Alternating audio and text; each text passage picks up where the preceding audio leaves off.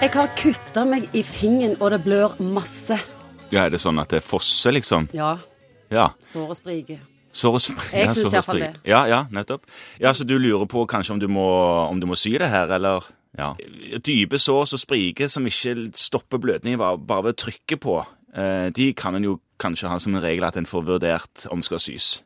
Og det er jo da greit å få gjort ganske kjapt, fordi hvis du venter for lenge, så er det sånn at eh, det stoffet som gjør at sårkantene på en måte fester seg når du syr, det, eh, det er ikke der for evig alltid. Så etter, eh, etter noen timer, og vanligvis regner man et døgn, men etter, etter bare en seks-syv timer, sånn, så, det, så begynner det å bli litt sånn verre å få sydd dette her. Så det er ingen god idé å sove på det hvis du er i tvil. Nei, det er, ikke, det er ikke det. Eh, Det som kan skje da, det er at når du kommer til legen, fordi dette her har jo ikke, det blør jo fortsatt, og det spriker og ser ikke bra ut, det legen må gjøre da, det er at han må liksom lage et nytt sår oppi det gamle såret. Men da kutter en på sårkantene, sånn at det begynner å blø friskt derfra igjen, og så syr en. Hvis en kan unngå det, så er det jo greit. Hvis du får et, et dypt kutt, og det burde vært sydd, Mm. og du har venta for lenge Etter hvert så slutter dette her å blø. Eh, Fordi disse her blodkarene trekker seg sammen, de slutter å blø, og da vokser dette her eh, såret igjen fra bunnen av, som vi sier. Det, det, det du oppnår da, er et stygt arr. Det er det du får. Men det slutter å blø og hele seg.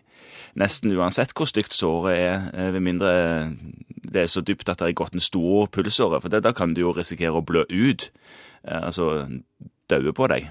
Hvis du får et kutt og det blør masse, hva er det beste trikset for å få det til å slutte å blø? Legg på trykk.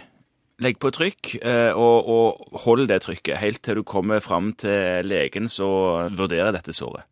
Går det an å trykke for hardt? Nei, det går ikke an å trykke for hardt. Du kan trykke så hardt at du stopper og struper all blodtilførsel nedover. Sett du hadde kutta deg på underarmen, og så ser du at dette her blir Dette var ikke bra. Kanskje du har tatt en scene eller to òg. Da holder du så hardt at øh, kanskje du der ikke kommer mer blod nedover til armen eller til hånden, og det er ikke farlig. Hånden kan godt være uten blod i øh, flere timer uten at den eh, tar skade av det. Har det noe å si hva han kutter seg på? Ja, det er jo litt viktig. Så hvis det er et rent kutt på et eh, helt nytt barberblad, så er det jo ikke så stor fare for at det blir eh, noe infeksjon i dette her. Men hvis en kutter seg på en fiskekniv som en sløyer fisk på med, eller om en kutter seg på en rusten spiker eller et eller annet ute i jorden eh, mens en luker eller holder på med den typen ting, så, så kan det være infeksjonsfare i såret, i tillegg til at det blør og kanskje må sys. Da må, det, da må såret renskes først, og så må en kanskje få stivkrampesprøyte, eller til og med kanskje antibiotika. Hva er stivkrampesprøyte? Så stivkrampe er en sykdom som skyldes en lite sånn giftstoff, og dette kan en vaksinere seg mot. Eh, Og Det er det som er i vaksinen som en får i stivkrampesprøyta. Og den har alle fått, og alle som har vært i militæret har fått påfyll, men vanligvis så glemmer en ut når en fikk den sist. Sånn at eh, Derfor er det god rutine, hvis, med mindre en er helt sikker på at denne tok jeg jo i forgår når jeg kutta meg på den andre spikeren, at en bare tar den sånn, så er det gjort.